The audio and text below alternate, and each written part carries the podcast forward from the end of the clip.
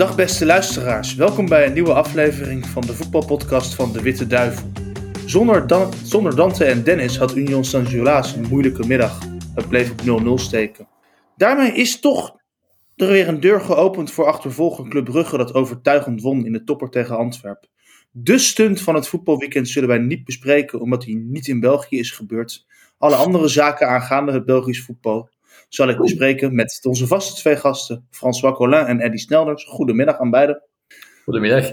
Goedemiddag. François, François, ik geef u graag het woord. Dankjewel, eh Jan-Willem.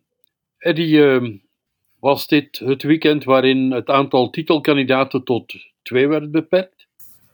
Ik heb wel zo'n vermoeden, ja. Eerlijk gezegd. Dus eh, Br- Brugge zit in een opwaartse spiraal. Door zichzelf, misschien ook wat met de medewerking van Antwerpen. En Union is het nu, ja, is het nu uitkijken wat ze nog gaan doen in de laatste vijf wedstrijden. Want eh, zonder het, eh, het koningskoppel is het inderdaad wat moeilijker. Dat blijkt ook uit de wedstrijd tegen Eupen.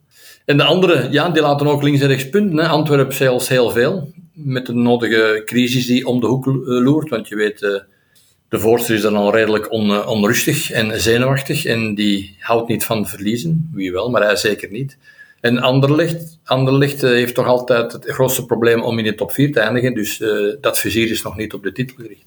Dus laten we zeggen dat inderdaad de Union hoopt van de schade nu verder te beperken. Wat uiteraard mogelijk is, gezien hun programma. En Brugge, Brugge heeft nu eindelijk, eindelijk eens een statement gemaakt. We hebben er al een paar wedstrijden, eh scharnierwedstrijden op gewacht. En gisteren hebben ze dat gedaan, zelfs zonder Charles de Ketelaar, waar dat toch iedereen vooraf dacht van oei, dat is een serieuze aderlating. Hoe gaan we dat opvangen? Wel, dat is allemaal goed gelopen. Er zijn een paar spelers inderdaad eh, opgestaan.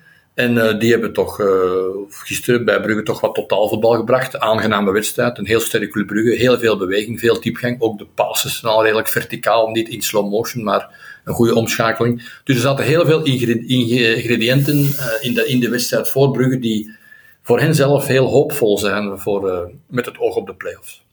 Drie van de vier doelpunten kwamen van nieuwe aanwinsten. Ja. Ja, dat kan eens gebeuren. Hè. Zoveel te beter voor hen. Ik denk dat op dit moment al één er is wie de doelpunten maakt. Eh, voor Odoi is dat verrassend. Uh, heeft een heel sterke wedstrijd gespeeld. Ik blijf nog een beetje voorbehoud maken voor die positie.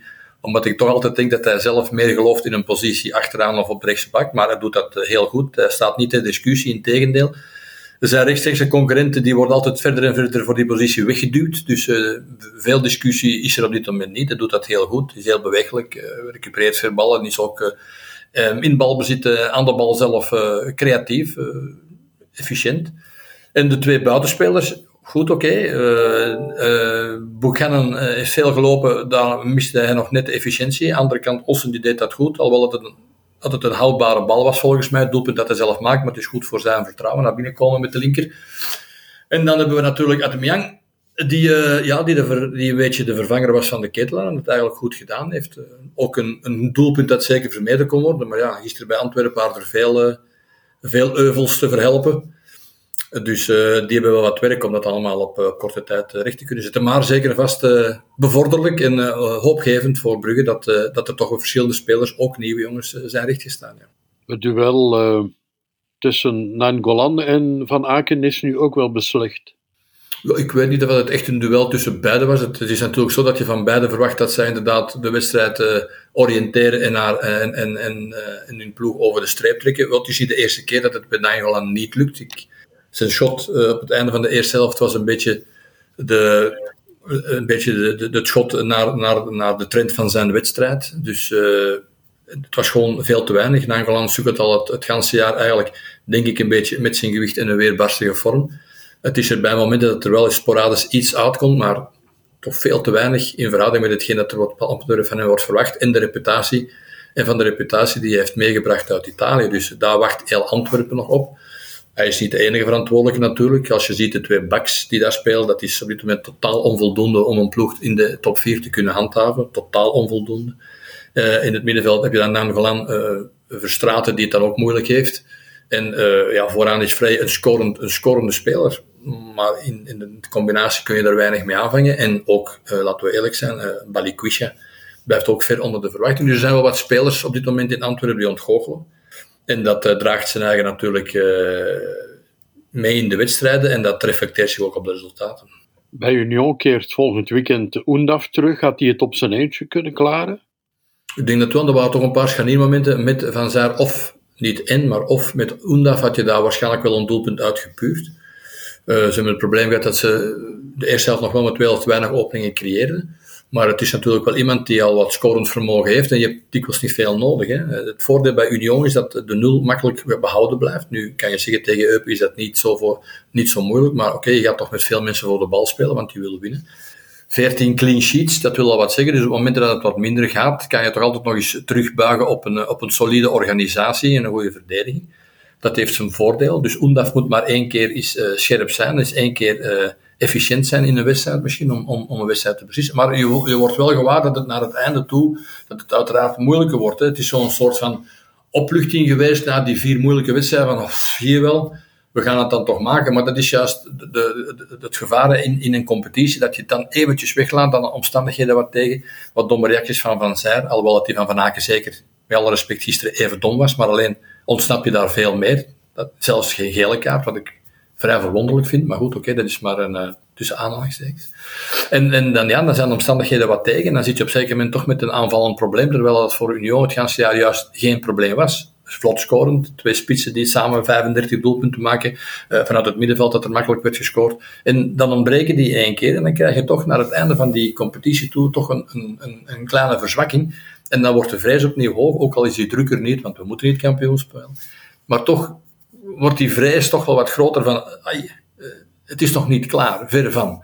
En de punten worden nog eens door twee gedeeld. En je ziet hoe snel dat het gat eh, soms kan, uh, kan dichtgefietst worden. Dus het, het, zijn allemaal nog wat zaken die onzekerheid meebrengen uh, voor Union. Maar goed is wel dat Undaf terugkomt. Want hij kan dat misschien wel op sommige momenten in zijn eentje in een flits toch misschien wel eens forceren.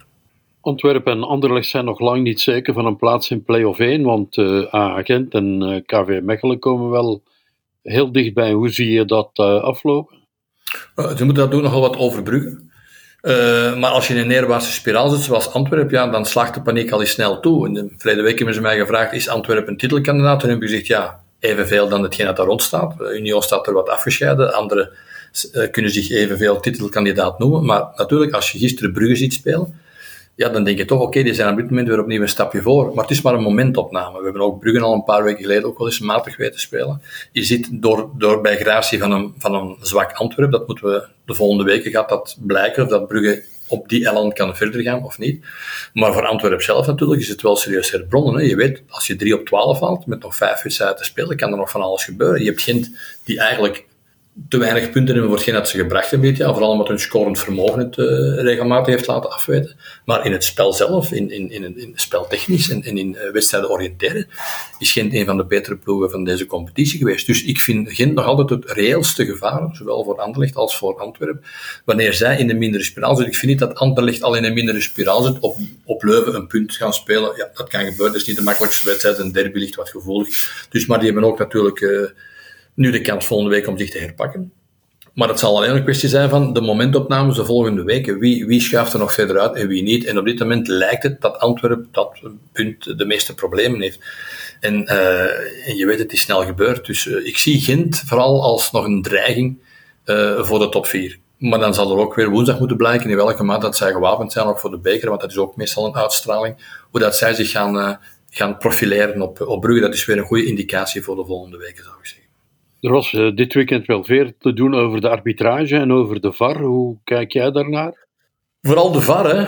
Ik vind, uh, ik vind vooral de VAR die in mijn ogen niet altijd even, even adequaat heeft opgetreden, die zichzelf wat in de problemen heeft gewerkt. Het grootste uh, probleem was natuurlijk op standaard, waarvan Haasbroek wel gelijk heeft natuurlijk. Als je vijf keer moet tussenkomen en je mist minimaal, minimaal twee keer, terwijl je de beelden uit verschillende hoekpunten kan zien, ja, dan is dat eigenlijk te veel van het goede. Je, je, neemt er je tijd voor, dat mag dan nog, maar neem dan alsjeblieft de goede beslissing in de juiste beslissing.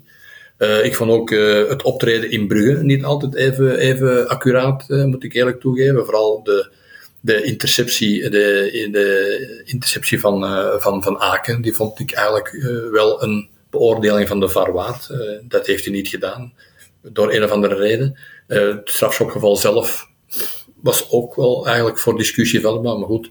Uh, zo kan je verder gaan. Maar ik vind de VAR zelf, als je beslissingen moet nemen, moet je wel zorgen dat ze juist zijn. Je zag duidelijk van Ojija dat dat geen, geen uh, moedwil was. Je moet je voet ergens neerplanten, maar dit was zeker niet echt de bedoeling van de tegenstander te kwetsen. Dan moet je dat ook in, die, in dat perspectief bekijken. En dat, dat, daar, valt, daar valt de VAR, of daar vallen de VAR in dit weekend wel een keertje over. Ik vind de VAR een goede zaak, ik blijf dat zeggen, omdat je toch er kansingen hebt op bepaalde situaties die moeilijk in te schatten zijn door de scheidsrechter. Dus daar heb ik alle respect voor dat daar dan hulp voor komt. Dus als die man is mis is in een momentopname en op zijn positionering soms dat hij het niet goed of niet 100% goed kan zien, daar heb ik alle begrip voor. Dat kan gelukkig zeggen, dan is er vader. Maar alsjeblieft, als je dan de VAR hebt, moet de VAR wel zien dat hij zichzelf niet in vraag stelt en die wel de juiste beslissingen neemt. De degradatiestrijd lijkt nu echt wel uh, beslecht. Ja, Beerschot is uh, helemaal hopeloos uh, geworden. Was, was al Voor ziet het er heel slecht uit nu. Ja, en dat verdienen ze eigenlijk niet, want ik vond ze in de eerste helft de gevaarlijkste ploeg. Maar je weet, als je daar onderaan staat, dan, slaagt het, dan gaat het paal buiten in plaats van paal binnen. En dan heb je, heb je veel meer nodig om een doelpunt te maken en een resultaat af te dwingen. Dat is nu eenmaal zo, zo is dat in voetbal. Um, ik vermoed dat het bijna gedaan is, maar ik meente mij te herinneren dat ze nog tegen Standaard moeten spelen. En ik zeg altijd dat dat nog een kans is, want op dit moment is dat toch wel de meest kwetsbare ploeg van allemaal. Vroeger konden ze nog leunen op een goede doelman, maar deze laatste week is het ook een beetje zoek. Het is niet de eerste keer dat we daar eh, in de laatste week in de flagrant in de fout gaat.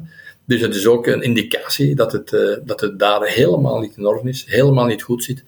En ik blijf erbij. Oké, okay, ze hebben nog wel wat ruimte staan daar, maar ik zou toch nog niet gerust zijn. Ik, je hebt Zulte Waregem, oké, okay, je hebt Eupen, weet ik wel. Maar ook Standaard op dit moment zit nog niet in de beste papieren. En dit is nog een strohalm voor Serijn dat ze die rechtstreekse confrontaties nog kunnen winnen, dan blijft het nog altijd mogelijk om die barragewedstrijden te ontlopen. Dus helemaal kansloos nee. Maar ja, dan moet je wel binnenkort het resultaat gaan halen. Deze week weten we ook wie de bekerfinale speelt. Op ja. wie uh, gok jij? Uh, ik ga eerst de makkelijkste pakken, dat is uh, Anderlecht. Ben ik vrij Oh ja, moet alles oppassen, maar die geef ik alleszins de meeste kans om zich te kwalificeren. Ook al was die wedstrijd in Eupen vrij dramatisch, maar goed, oké. Het resultaat was nog uh, redelijk goed ze hebben een thuiswedstrijd. En we weten allemaal dat Eupen op verplaatsing in principe, zeker de laatste, de laatste drie maanden, niet te veel meer haalt. En uh, de andere kant is nog een moeilijke. Het is niet zo dat Gent helemaal kansloos is, maar ze hebben natuurlijk die achterstand. Spelen op verplaatsing. Bruggen heeft de twaalfde man terug mee. Daar heb je ook gisteren gemerkt dat dat toch wel een belangrijk verschil is.